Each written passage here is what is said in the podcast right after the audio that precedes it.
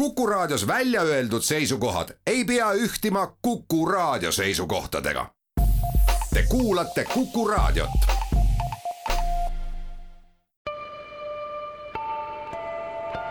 ilmaparandaja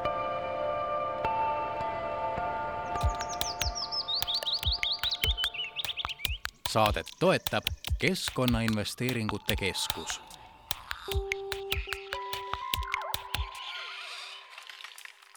tere, head Kuku kuulajad ja kena laupäeva kõigile. algabki meie iganädalane keskkonnasaade Ilmaparandaja ja mina olen saatejuht Rein Pärn tänane saade toob teieni vestluse seiklusimuliste noorte inimestega, kes tänu Polaarklubi korraldatud viktoriinivõidule pääsesid unustamatule ekspeditsioonile avastama Arktikat. täpsemalt käisid nad uurimisretkel Soome, Rootsi ja Norra põhjaaladel või nagu armastatakse öelda, maailma lõpus milliste muljete ja teadmistega nad sealt naasevad, kuulete üsna pea külastame ka Võrtsjärve ääres asuvat Võrtsjärve õppekeskust ja seal tegutsevat limnoloogiajaama ning saame teada, millega nad seal tegelevad ja mida meie kui ka mujal maailmas asuvate veekogude seisundi kohta teada on nad saanud. ning kuulame lõpetuseks jutuajamist tarkade mükoloogide ja seenehuvilistega, sest seenehooaeg on täies hoos ja seente rollist looduses saab kõrva taha panna nii mõndagi uut aga nüüd siis hakkame järgemööda pihta. sel nädalal kutsuti huvilisi Tallinnas lennusadamasse, kus anti põhjalik ülevaade pikalt oodatud ja planeeritud ning nüüdseks teoks saanud polaarekspeditsioonist ja kuidas see läks, kohe kuulda saategi. mikrofoni ees on nüüd üks tore inimene, kes käis kevadel polaarretkel lausa nädalasel ja see lugu muidugi on väga pikk ja huvitav üldse, mismoodi sinna polaarretkele te saite, aga äh, ole hea, kõigepealt tutvusta ennast, kes sa oled, kes olid toona, äh, kui see viktoriin polnud veel toimunudki ja, ja põgus kogemus, kuidas seal see ekspeditsioon kulges tervist, ma olen Artur Raik ja toona olin ma Tallinna Prantsuse Lütseumi äh, õpilane üheteistkümnendas klassis ning minu armas geograafiaõpetaja soovitas, et ma osaleks polaarviktoriinil ja see tundus huvitav ning ma võtsin osa. Ning mida rohkem, seal oli mitu vooru, mida kaugemale ma jõudsin, seda enam mulle see teema huvi pakkus ning seda rohkem ma hakkasingi uurima. ning lõpuks lõppvõistlusel ma osutusin, osutusin viie parema sekka ning võitsingi reisi polaaraladele, kuid aasta oli kaks tuhat kakskümmend ning reis pidi toimuma just siis, kui piirangud tulid peale ning olude sunnil lükkus kogu asi kaks aastat edasi ja tolleks ajaks olin ma juba jõudnud Kaitseväkke ning äh, sealt ärasaamine oli keeruline, kuid äh, minu ülemused olid väga lahked ning lubasid mind, minul siiski osaleda ma saan aru, üks tegur, miks äh, lubati sind Kaitseväest ära, oli see, et äh, olid äh, antud polaarekspeditsioonil selline, kuidas öelda, nagu reisijuht või reisikorraldaja seal ja, ja matkade eest pidasid nagu seda, seda liini. Öeldigi siis võib-olla Kaitseväest, et jah, et ärme siis jätame need metsamatkad siin Kaitseväes vahele meie metsades, et mine, mine tee seal polaarjoone taga seda vist Kaitseväe poolt sellist suunitlust ei tulnud, aga see matkamistuhin on mul endas sees, nii et selle, seda mulle keegi paluma ei pidanud, ma oli õnnelik, et ma sain seda teha.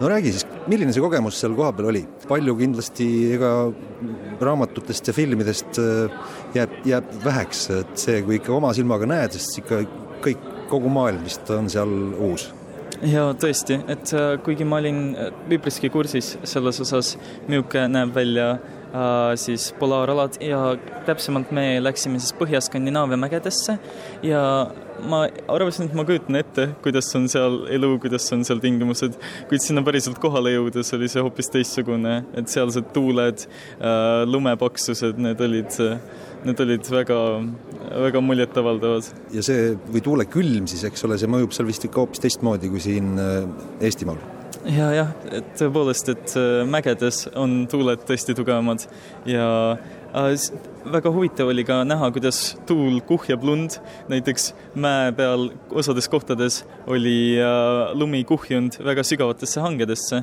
samal muudest kohtadest oli lumi täiesti ära kuh-, ära läinud. Ja see, see oli tõesti teistmoodi kui Eestis, meil pole ju mägesid siin. Tere, nüüd on lisandunud meile siia seltskond inimesi, et olge hea, rääkige ka teie kuulajatele, Kuku raadiost ilmaparandaja saade. kes te olete ja kes te olite toona, kui see viktoriin noh, oli silmapiiril või, või hakkas selgeks saama, et nüüd tuleb osaleda? tere, mina olen Saskia Krautmann. toona ehk siis juba rohkem kui kaks aastat tagasi ma olin gümnaasiumis Rocca al Mare koolis, aga nüüd ma õpin arhitektuuri EKA-s ja ma arvan, et selline polaarekspeditsioon oli just nüüd tegelikult mulle isegi parem, kui ma juba tean, mida nagu otsida või mida jah, mida ma tahan teha. mina olen Anel Neumann, mina toona käisin Tartu Tamme gümnaasiumis, olin kultuuriklassis veel. Ja ma olin tegelikult varem proovinud esimesel polaarviktoriinil siis ekspeditsioonile saada, ei õnnestunud, aga ikkagi mingisugune see särts minusse nagu jäi.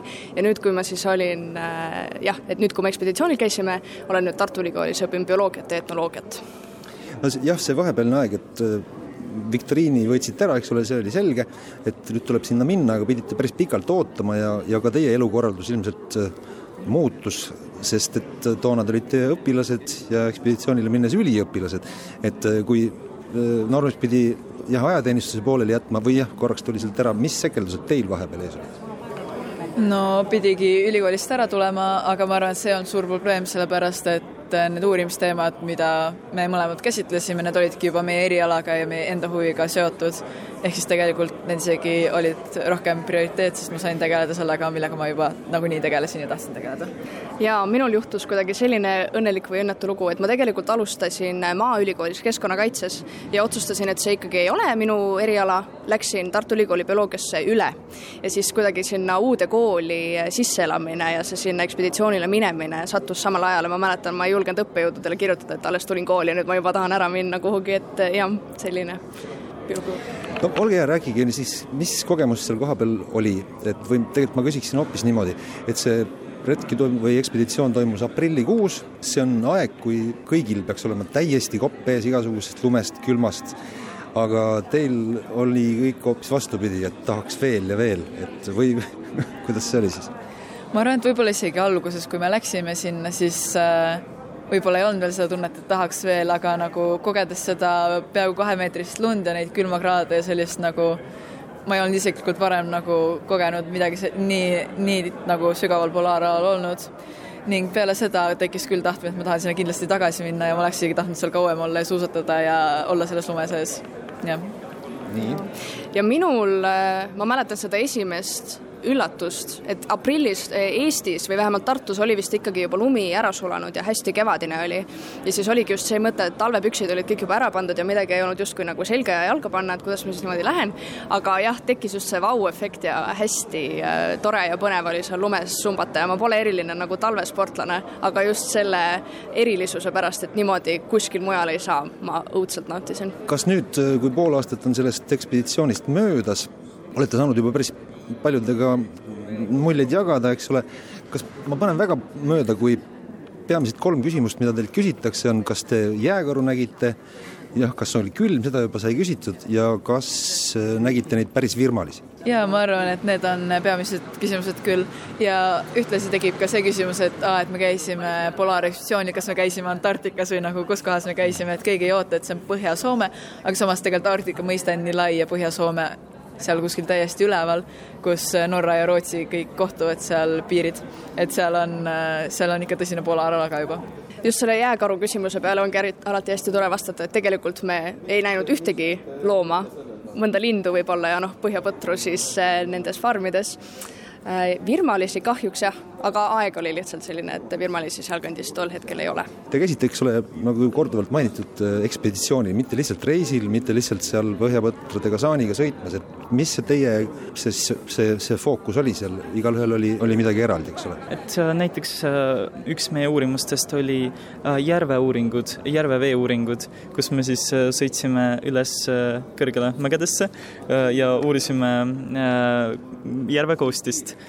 selleks me siis puurisime järve sisse, jää sisse augud ja võtsime sealt eri sügavuselt veeproove ning pärast koos teadlastega analüüsisime neid ning uurisime siis vee elektrijuhtivust ning pH-d. jah, minu projekt oli siis etnograafiline, mina uurisin saame ja põhjapõtru, milline nende kooselu tänapäeval on, kuidas see muutunud on seoses kliimamuutuse ja turismi laialdase levikuga, et kuidas siis saamid või siis noh, teised inimesed sellesse tänapäeval suhtuvad ja kui tugev on selle põhjapõdra kasvatuse juures siis see saamiks olemise identiteet ja, ja meil kõigil olid väga erinevad projektid ja minu projektiks oligi siis uurida lähemalt äh, polaararhitektuuri ja kuidas üldse sellises äh, ekstreemsetes oludes midagi luua ning äh, milline on selline siis ruumi ja looduse ja kliima suhe ja kuidas see mõjutab inimest seal keskkonnas. Kui palju see kliima siis seal kohapeal erineb, ütleme Eesti, Eesti talvest, et äh, mis, mis see kõige olulisem on, millega peab seal olles arvestama? nagu ma juba ennem ütlesin, see lumi oli tohutu, tohututes kogustes lund ja peabki arvestama just sellega, et sa lähed polaaralale, kus ongi külm, tuulekülm on veel külmem kui päris külmus, mis seal niigi on juba väga suur ja ka lumest sumpamisega. ma tahtsin veel ka selle te võtsite päris mitu matka seal ka ette, et äh, ühtepidi on tunda, et see teaduse ja keskkonna huvi on teil suur, aga, aga huvi filmimaailmas toimuva vastu puudub täielikult, et ei ole vist ühtegi filmi näinud, äh, mis toimub kusagil põhjas äh, külmas ja mis seal toimuma hakkab, et see ei lõpe tavaliselt hästi või ta lõpuks lõpeb hästi. aga vahepeal läheb asi päris suureks jamaks, kas teil omal seda kartust või hirmu ei olnud? Tõepoolest, me tegime matkasid päris äh, ekstreemsetes või noh, ma arvan, et ekstreemne tingimus on väga suhteline mõiste.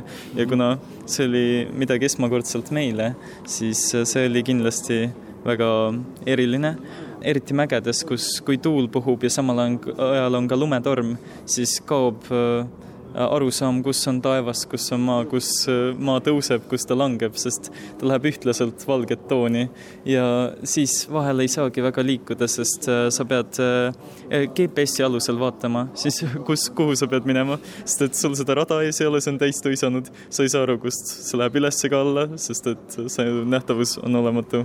ja siis, siis ongi nii, et kui GPS-i ei ole, siis on väga vilets. ma arvan, et õnneks me olime nagu hästi varustatud ja teadlikud nagu sellest, kuhu me lähme ning meil olid ka kaasas meie juhendajad, kes on mitmeid kordi juba viibinud polaaraladel, nii et nad teadsid, mida teha mm. -hmm. nii et sellega õnneks läks hästi ja sellist mõtet ei pidanud tulema. no kõik läkski hästi, te olete nüüd äh, siin tagasi. just, just täpselt. aga mis äh, plaanid, kui antakse veel selline võimalus teil äh, ette võtta üks selline ekspeditsioon sinna kaugele põhja läheksite veel? muidugi me läheks veel, see, selles pole küsimust, ma arvan, et kõigi meie jaoks. jaa, ma tunnen, et noh, kindlasti mingisugune ettevalmistus oli meil kõigil olemas, aga just, et saime vanemaks selle viktoriini ja ekspeditsiooni vahel ja nüüd pärast ekspeditsiooni me oleme osanud kuidagi paremini orienteeruda oma selles infomaailmas, et ma tunnen, mina küll tahaksin oma projekti minna edasi töötama või kuidagi sealt edasi nagu hargneda. ja samuti matkapisik pole, pole raugenud ja ei saa enam mitte minna edasi avastama neid kargeid paiku, kuhu muidu tavainimesena ei satu. no nii, selge, väga tänan selle jutuajamise eest ja, ja, ja vahvaid uusi ekspeditsioone teile. aitäh teile ka! nüüd on äh, samal teemal võimalus edasi rääkida Eesti Polaarklubi äh, eestvedaja Katrin Saavomägiga, tere päevast! tere, olen jah, Eesti Polaarklubi tegevjuht. Ole hea, võta nüüd ise kokku, noored äh, kandsid siin väga vahva ettekande, näitasid pilte, mängisid videosid, rääkisid oma lugusid, et kui hästi see ekspeditsioon õnnestus? ma arvan, et tagantjärgi ja kokkuvõttes läks päris hästi korda.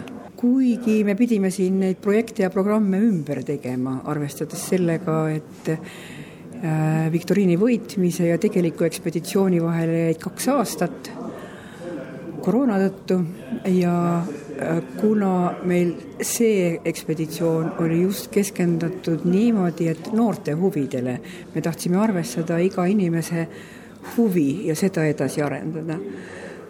aga huvid muutusid, pidime meie ka oma asju veidikene sättima. Nad olid läinud juba erinevatesse ülikoolidesse või siis kaitseväkke. eesmärk oli see, et üldse propageerida laiemalt polaaralasid, õpetada neid rohkem tundma, näidata, et kui mis nad on, millised on need muudatused seal ja et mitte ainult ja seda ise ka kogeda ja tunnetada. ja näidata, kui palju erinevaid võimalusi on teha teadustööd polaranadel ja samas ka mitte ainult teadustööd, vaid ka lõbutseda, kui palju võimalusi seal on maailma avastamiseks.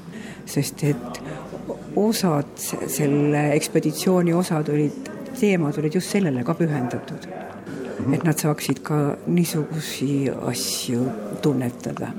nagu näiteks jäähotelli külastamine, ega me seal ei ööbinud, aga et näha niisugust tohutut kunstitemplit, mida iga aasta tehakse jääst. ilmaparandaja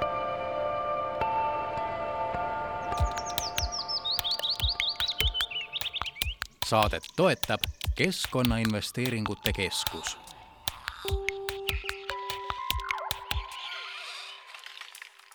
me oleme nüüd äh, oma mikrofoniga äh, Võrtsjärve ääres, kus äh, on üks vahva tarkuse jagamise asutus, mis räägib Võrtsjärve seisundist ja siin töötab väga palju tarku inimesi, üks neist on Limnoloogiakeskuse vanemteadur Priit Singel, tere päevast! tere päevast! Ole hea, kõigepealt räägi, millega tegeleb Limnoloogiakeskus siin Võrtsjärve ääres? no Limnoloogiakeskus on Eesti sisevete uurimise selline tugisammas ja kants, et siin, siin pesitsevad eh, järveteadlased, jõeteadlased, kes uurivad, kuidas meie vetel läheb mis see üldine seis siis eh, on, et jah, millist aegrida üldse teil, mis andmed olemas on, et mida võrrelda saate? No Võrtsjärve kohta on meil olemas äh, andmeid juba viiekümnendatest aastatest, mis on suhteliselt unikaalne maailmas, sest sellised pikad aegread on äh, tänapäeval väga suures hinnas ja teistpidi jällegi vägagi haruldased, et selliseid noh, palju on ju tänapäeval sellist projektipõhist lähenemist, midagi uuritakse, hakatakse tegema, viis aastat maksimaalselt ja siis on kõik, aga siin on meil jah, me saame näha ja vaadata, kuidas on kõik muutunud ikka mitte viie aasta jooksul, vaid ikka aastakümnete jooksul. ja mis see seis siis on, et kliima meil siin muudkui soojeneb ja kas siis ka Võrtsjärv läheb ka soojemaks ja sealt omakorda ilmselt miskisugused hädad kaasnevad?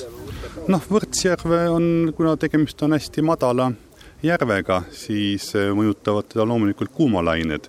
et kui ikkagi on pikem kuumalaine, et siis ka veetemperatuur soojeneb. aga Võrtsjärv iseenesest ei kannata väga nende vetikaõitsengute ja sinivetikatel. näiteks meie teine suur järv Peipsi on selles osas palju tundlikum. kui on pikad kuumad perioodid, siis ikkagi hakkavad seal sinivetikad vohama. kahjuks on seal ka sees toksilisi tüvesid, mis siis võivad mürke eritada ja mis siis jällegi vaikselt akumuleeruvad kaladesse ja, ja võib-olla ka jõuavad inimeseni, et see on üks teema, millega me oleme just hakanud tegelema, et vaadata, palju siis tegelikult sellesse kalasse, mida, mida püütakse ja süüakse, et siis need vetikamürgid akumuleeruvad.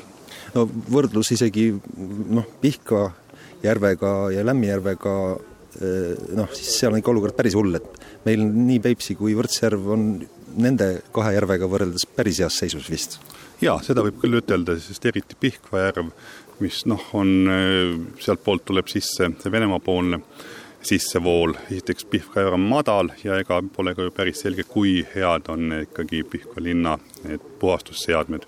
et kui vaadata neid äh, vee parameetrite näitajad, siis ta üldiselt läheb jah, sealt lõuna poole liikudes lähevad need mm, kõik näitajad halvemaks mis see põhiline põhjus on siis, miks need näitajad halvemaks lähevad, et kas ikkagi inimtegevus ja kõik, mis inimene nii-öelda maa pealt, äh, maa peal teeb, et see jõuab ikkagi veekogusse lõpuks, jah? paraku see niimoodi on jah, et äh, tore oleks ju, kui saaks ka elada ja, ja toimetada niimoodi, et sellest mingit suuremat jälge ei jääks, aga noh, uuringud on näidanud, et eh, kus seal, kus on intensiivsem põllumajandus, siis paraku ikkagi midagi sellest jõuab ka veekogudesse. et eh, aitaks selline läbimõeldud kohati mm, kraavitus ja kuidas sul on, et, et noh, mida looduslikum on eh, vooluvetevõrk, seda rohkem on ka sellist puhvervõimet ja, ja, ja seda kõike kinni peetakse, puhastatakse looduse enda poolt, aga kui me teeme seda hästi selliseks äh, ilusaks sirgeks, sirged kraavid, mis on vägagi no ökonoomsed ja toredad pealt näha, siis noh, need ei tööta nii hästi, et tavaliselt loodusel on ikkagi oma arusaamine asjadest ja, ja ta on seda proovinud ja katsetanud miljonite aastate jooksul, et tema tööd paremaks teha, kuigi alguses võib-olla tundub, et me tegime paremaks midagi, siis, siis pikemas perspektiivis sageli see ei ole nii. Need, need igasugused lämmastikuühendid, mis siis jah, ette jõuavad ja need teevad siin paha, et äh, kas midagi sellist on plaanis, ma ei tea, no kindlasti oleks, saaks sellest ka kena Nobeli preemia, et püüda neid, neid ühendeid kinni, korjata need eest ära ja siis saaks kõik puhtamaks. Noh, on olemas äh, meetodeid, äh, kuidas lukustada neid toitaineid mingite keemilistesse ühenditesse, aga, aga need kõik on loomulikult väga kallid meetodid ja kui me saame võib-olla teha seda väikestes järvedes, lubada sellist asja endale, siis suurte järvede puhul ei ole see kahjuks ikkagi mõeldav, sest et mastaabid on ikkagi hoopis teised et äh, aeg-ajalt me kipume ju isegi ära unustama, kui suured on need meie järved nagu Võrtsjärv ja ka Peipsi. see tundub ju meile isegi, et me oleme harjunud sellega, et noh, selline suur järv asub meil seal kuskil idas, aga tegemist on ikkagi Euroopa viienda järvega ja, ja ta on ikkagi väga suur, et, et ja kui midagi samamoodi on ju noh suurtel järvedel on see eelis, et neid on ka väga raske ära rikkuda, kuna nad on suured ja tugevad, aga kui see midagi hakkab juba minema pahasti, siis on neid ka väga keeruline tervendada.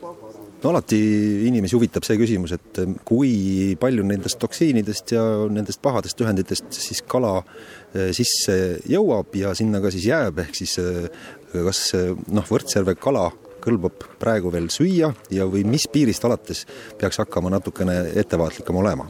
Võrtsjärve kala kõlbab kindlasti süüa ja ka Peipsi kalal pole häda midagi, aga lihtsalt oleks just Peipsi puhul oleks mõistlik hakatagi natuke rohkem jälgima, palju on seda eh, kudedesse akumuleerunud, sest et see esialgu on meil selles valdkonnas veel eh, üpriski suur teadmatus, et eh, kuna ka need vetikaõitsengud ja mürkide vabanemine on ju suhteliselt mitte selline pidev protsess, vaid puhanguline, siis eh, on ka seda kohati raske jälgida ja, aga samas on need mürgid eh, vägagi raskesti lagunevad ja kipuvad ikkagi akumuleeruma. ja teine asi, mis alati inimesi huvitab, on see, eks ole, sinivetika siis jah, õitsemise periood, et kuidas nüüd sel suvel oli küll palavat, aga kas see ka nüüd sinivetika vohama pani ja kuidas, kuidas ütleme jah, sel aastal sellel rindel läks? jaa, see soe suvi tõi kaasa ka vetikaõitsenguid ja isegi praegul veel on Peipsi järves sinivetikaid, mis on niimoodi, annavad õitsengu mõõdu välja. ja mm, noh, selles mõttes ongi, tasub alati vahet teha kui aeg-ajalt räägitakse, et leiti sinivetikaid, siis see on natukene, pole nii täpne, sest sinivetikad on meie sisevete ja veekogude sellised püsiasukad, et pole peaaegu võimalik leida hetke, kui veest sinivetikaid ei oleks. aga, aga mis on nagu probleem, mida tavaliselt silmas peetakse sellele, et leiti sinivetikad, et kui toimub suur puhang, õitseng, et see, siis tuleb olla tähelepanelik. loomulikult ei maksa jällegi minna nagu liiga murelikuks, aga, aga tasub säilitada sellist tervet talupoja mõistust, et kui sa näed, et mingisugune paks löga on eh, tuule poolt eh, randa uhutud, et siis sinna sisse mitte minna plökerdama. mis ei olegi tegelikult, tavalised inimesed nagu selle peale ei tulekski, sest ta lihtsalt ei tõmba vette nüüd äh, jah, üks suvi jällegi meil siin selja taga äh, ja ees on nüüd siis äh, pigem selline ja pimedam aeg. mida see toob nüüd limnoloogiakeskusele kaasa siin Võrtsjärve ääres? no ega meie, meie tööd ja tegemised jätkuvad, sest et eks sellist Võrtsjärve seire käib meil aastaringselt ja ka teiste, ega loodus ju ei lähe sellest hoolimata puhkama. loodus on ju meie ümber aastaringselt ja, ja need protsessid, mis toimuvad, neid, neid me jälgime. Ja eks neid teadusprojekte, teadustööd on meil siin ju väga mitmekesist, kuigi jah, ka, ka järveteadlastele on selline suveaeg tavaliselt üks sellise kõige, kõige tihedam ja kiirem, aga noh, sügise poole ongi siis jällegi aega oma kogutud proove analüüsida, tulemusi kokku võtta, kirjutada publikatsioone, kirjutada populaarteaduslikke artikleid, et ega siin see töö ei peatu tuntakse ju huvi limnoloogiakeskuse seinte vahel toimuva vastu vist üle kogu maa, et äh, teadlased äh, tahavad teada, mida te siin olete parasjagu mõõtnud ja võrrelda oma, oma kohalike veekogudega seda kõike, et äh, selline glo globaalne võrgustik on ju teil ka olemas? jaa, meil on väga palju häid kolleege üle terve maailma, kes aeg-ajalt meid külastavad ja nad on just nimelt, üks meie selliseid tõmbenumbreid ongi meie pikad aegrajad ja, ja mis on, eh, lähevad järjest väärtuslikumaks. ja siin, eks meil on ka rahvusvahelist koostööd eh, mitte ainult Euroopas, ka Ameerikates, Lõuna-Ameerikas. me ise oleme käinud eh, ekspeditsioonidel Brasiilia Amazonias, siis praegusel hetkel on meil Järvemuuseumis ka üleval näitus Amazoniast, kus on eksponeeritud Amazonase kalu, putukaid on meil kollektsioonides, infostende et eh, kui satute Võrtsjärve äärde liikuma, siis soovitan soojalt seda külastada. ja see keskus töötabki ka muuseumina, et eh, see muuseum on avatud, eks ole, ma saan aru, aasta ringi ja, ja ma ei tea, kas ka iga päev? jaa, et kui, kui ette teatada, siis on kindlasti ka nädalavahetusel võimalik seda külastada. aitäh, Priit, ja edu teile! aitäh teile! ilmaparandaja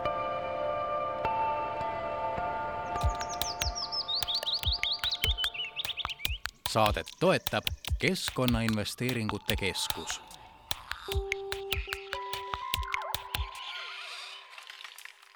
tänast saadet jääb lõpetama Tartu Ülikooli Loodusmuuseumi ja botaanikaaia eestvedamisel valminud rubriik Rukkirääk, mis täna viib meid seente imelisse maailma. rukkiräägu saatejuht on Carlotta Põdra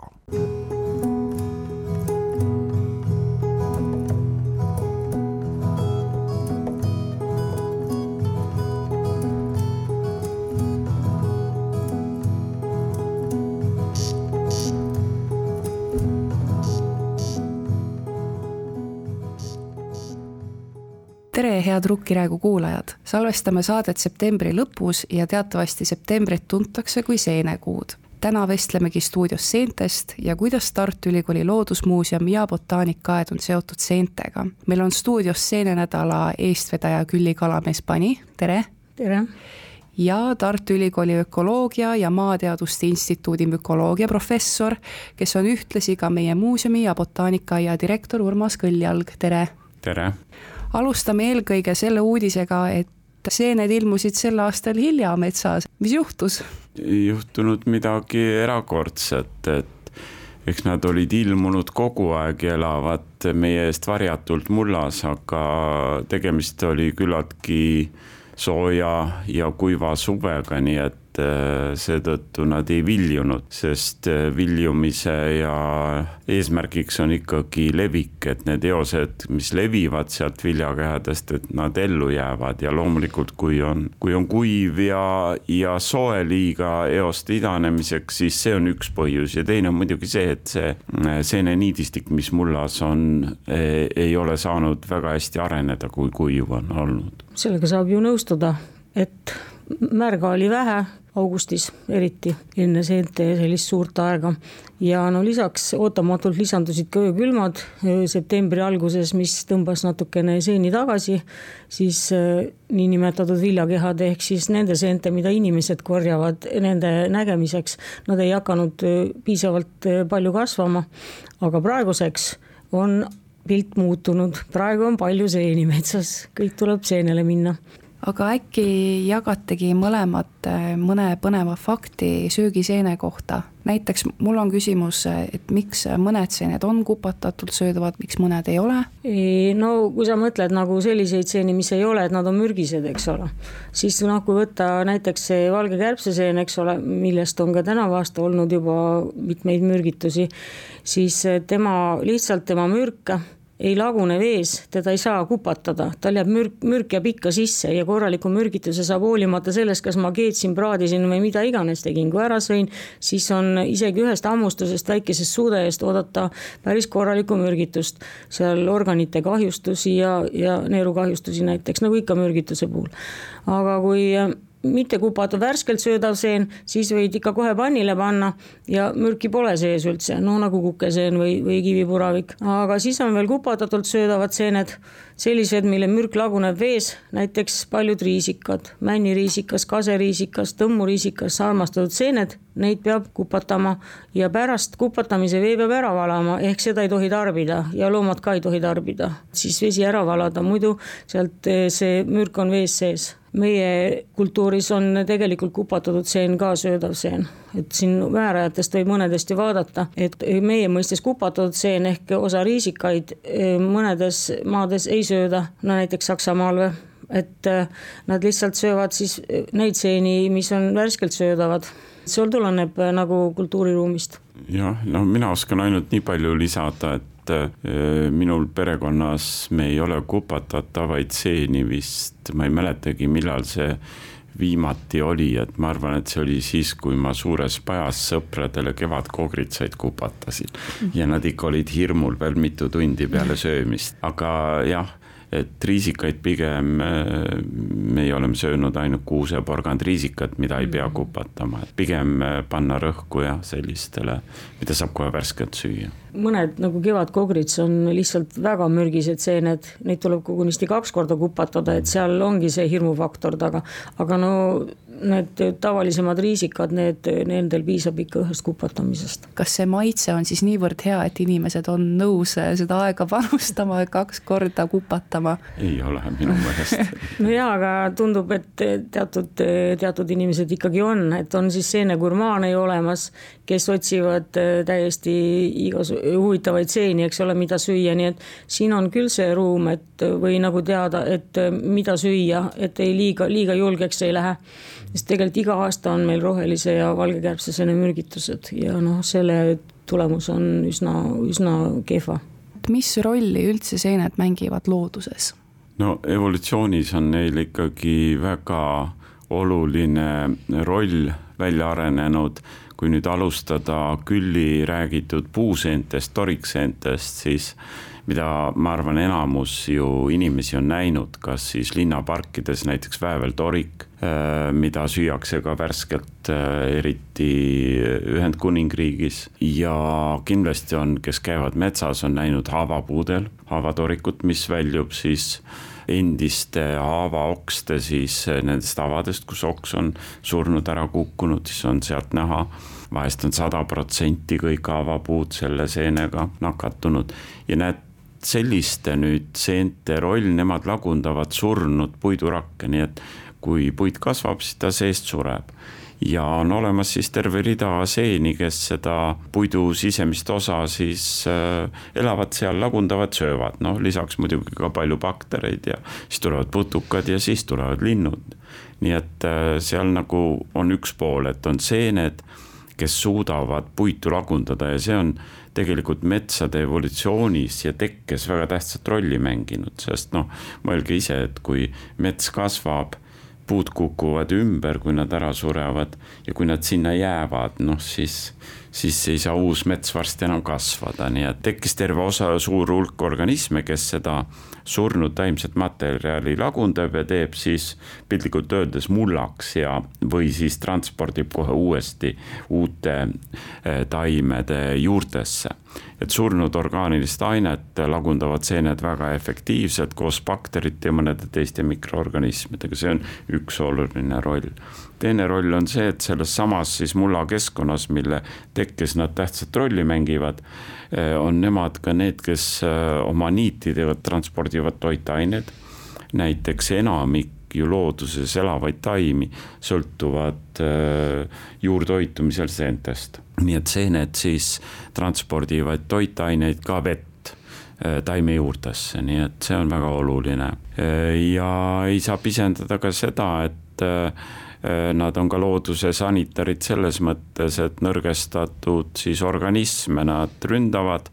Need on juba siis erinevad taimepatogeenid, loomade parasiidid ja, ja see on ka lõpuks ju oluline, et et, et haiged ja nõrgad organismid siis loodusest nagu eemaldada. kes on seeneriigi sugulased? No sugulased oleme meie ise, et me oleme loomariik ja seeneriik pärineb siis teadaolevalt ühisest eellasest sadu miljoneid aastaid tagasi ja arvatakse ja suure tõenäosusega see eellane elas meres, merelises keskkonnas. ja on leitud selliseid lihtsaid organisme, mis jäävad nagu seene ja äh, loomariigi piiri peale ka tänapäeval meredes elamas koloonialisi, nii et on need välja toodud kui ühed võimalikud äh, teatud sarnasusega siis äh, organismid, mis võisid anda aluse nii looma kui seeneriigile. aga see on kõik hüpoteetiline. kui palju on Eestis muidu seeneliike? teadlasena äh, on palju arve kohe anda, et seenenäitusel oli väljas siis üle saja liigi, millel on täpne teaduslik nimetus, see tähendab see koosneb siis perekonnanimest ja liigi epiteedist, nii et kaks sõna, et homo sapiens on liik, kuhu me siis tõenäoliselt meie kuulume, eks ole. ja seentel on omad liigid ja neid oli siis natuke üle saja nüüd, kui me täna hommikul ma vaatasin just äh, Eesti andmebaasi seeneliikide kohta, küsisin, et kui palju on hetkel teadaolevalt seeneliike, millel on siis teada see täpne seeneliigi nimi või teadlased on äh, andnud siis mingile materjalile. Ja seda oli siis ütleme natuke üle kaheksa tuhande. Ja sinna kuuluvad siis äh, väga erinevad seened sealhulgas ka samblikke moodustavad seened näiteks, mükorisad moodustavad, mis suuresti on söögiseened, eks ole. nüüd, äh, kui me vaatame siia kõrvale, ma tooks veel ühe arvu, et ma vaatasin sama andmebaasi, palju üldse on siis sarnaselt teada hetkel täna hommikul Eestile liike ja seda oli natukene üle kolmekümne tuhande, nii et kui me paneme kaheksa tuhat sinna kõrvale, siis siis tegelikult noh, eh, eks ole, kolmekümmend protsenti ei ole, aga kuskil kakskümmend seitse, kakskümmend kaheksa protsenti siis eh, teadaolevatest Eesti liikidest on seeneliigid, nii et see arv on päris suur. no ma ütlen ka seda, et kõige rohkem on loomaliike teada, et ja seda tänu putukatele, kes on kõige suurem siis liigirühm, aga kui ma võin veel ühe arvu tuua, eh, siis ma vaatasin ka seda, kui palju me teame, et Eestis on liike keskkonnast pärineva DNA põhjal. ja, ja selline töö käib juba Eestis ligi viisteist aastat ja kogu maailmas, et DNA põhiselt siis püütakse teada saada, kus mingi liik on. ja nende puhul on keeruline see, et suurel osal, üheksakümnel protsendil neist andmetest meil ei ole täit liigi nime sest kui me DNA põhiselt liike vaatame, ükskõik kas mullas või vees või õhus, siis äh, me kohtame neid liike, mis ei ole teadusele kirjeldatud, eks ole, pluss veel neid, kus andmebaasis ei ole nagu referentsi selles mõttes, et liigi nimi ja tema küljes siis DNA oma tunnustega. ja vot neid liike, seeneliike on Eestis teada üle kuuekümne tuhande, kujutate ette, eks. see on meeletu arv. eks ole aga kui me vaatame mingeid eh, analüüse teadlaste, siis me näeme, et see ei ole üldse midagi erilist, et see ongi normaalne arv tegelikult, et see üle kuuekümne tuhande liigi on meil ja valdavalt on tegemist siis DNA-ga, mis pärineb eh, mullast, veest ja üht-teist veel, et tegelikult ei olegi kõik oleste asukohad DNA põhiselt ära ju veel määratud nii et need on siis arvud, et kaheksa tuhat seeneliiki, millel meil on teadlased nime pannud. küllil on veel kõvasti näitusi teha, mitte viis aastat, vaid ma arvan, viissada aastat, enne kui ta nüüd üle käib.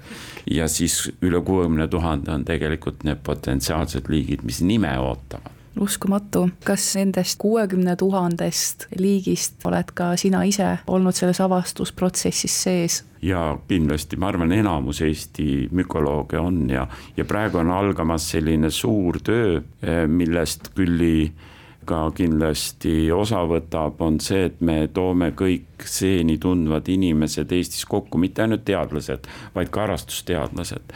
ja tahame uuest aastast algatada protsessi, kus me siis võtame need kuuskümmend tuhat eh, seeneliiki ja püüame nad nende liiginimedega nii palju kui võimalik kokku viia, et et see on küllalt keeruline töö, seda tuleb teha väga hoolsalt, aga, aga Eestis on väga palju häid teadlasi, nii mükolooge kui lihanolooge, ka harrastusteadlasi, keda tuntakse ka maailmas. nii et ma arvan, et me saame sellega hakkama tegelikult lisaks peaks proovima Eesti piires mingi siis sellise huvitava määraja ka välja anda, et Eesti inimestele anda rohkem teavet uuendustest seeneriigis ja, ja see oleks hästi oluline. aga nendest äh, teadaolevast kaheksa tuhandest liigist, kui palju nendest äh, peaks arvele võtma või paljud nendest on olulised või millised mängivad rohkem rolli looduses ja millised mitte? teadlaste jaoks ongi need juba arvele võetud sellepärast ma saingi täna hommikul kiiresti andmebaasist vaadata, nii et need on nagu arvele võetud. Ja ma arvan, et see äh, arvele võtmine kõigi liikide on väga oluline. Ja mitte arvele võtmine, vaid nende üle pidev arvepidamine, mida siis ju nimetatakse, ütleme keskkonnauuringutes, kas seireks, eluslooduse seireks või monitooringuks, et see peaks kogu aeg käima ja kindlasti see muutubki ainu, aina mahukamaks, me tahame teada, mis liikidega juhtub. Nüüd, et sealt mingi osa välja võtta ja öelda, et see on olulisem, on ka võimalik sõltuvalt eesmärgiks, et äh, kindlasti on oluline, äh, kui me räägime õpetamisest ja inimestele liikide oluliste liikide tundmaõppimist, siis välja tuleb võtta, eks ole, söögiseened, mürgised seened, majandusele kahjulikud seened, majandusele kasulikud seened.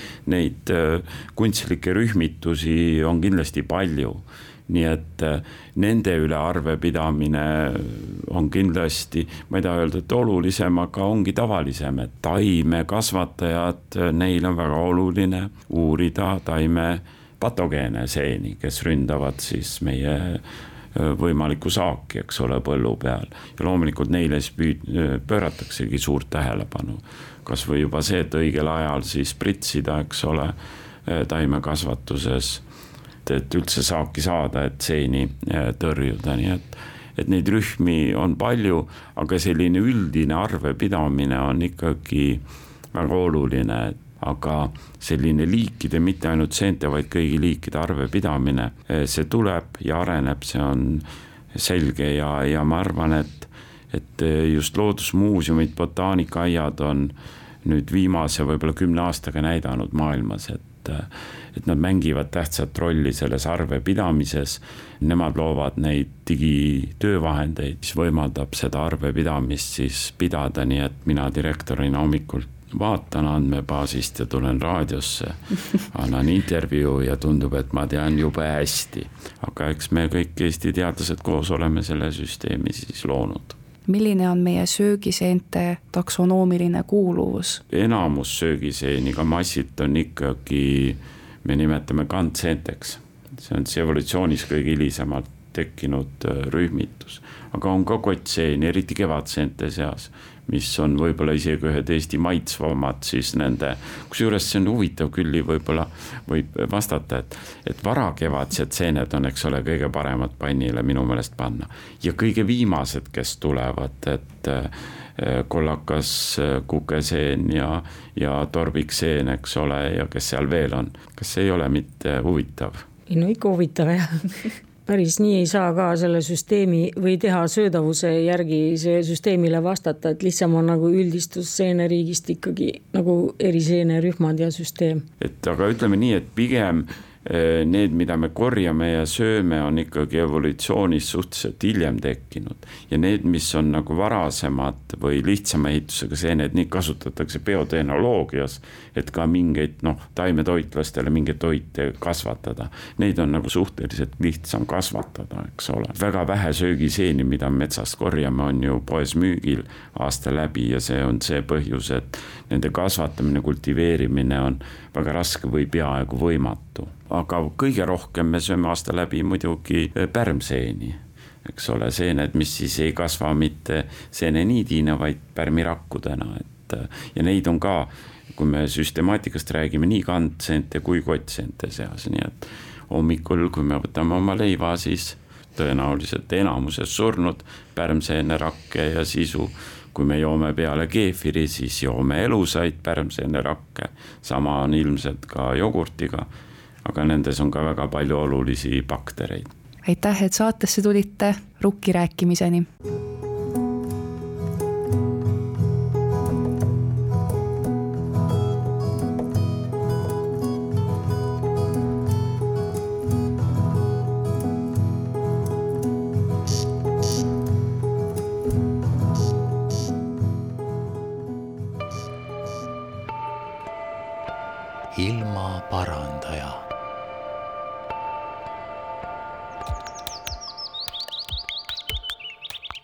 saadet toetab Keskkonnainvesteeringute Keskus.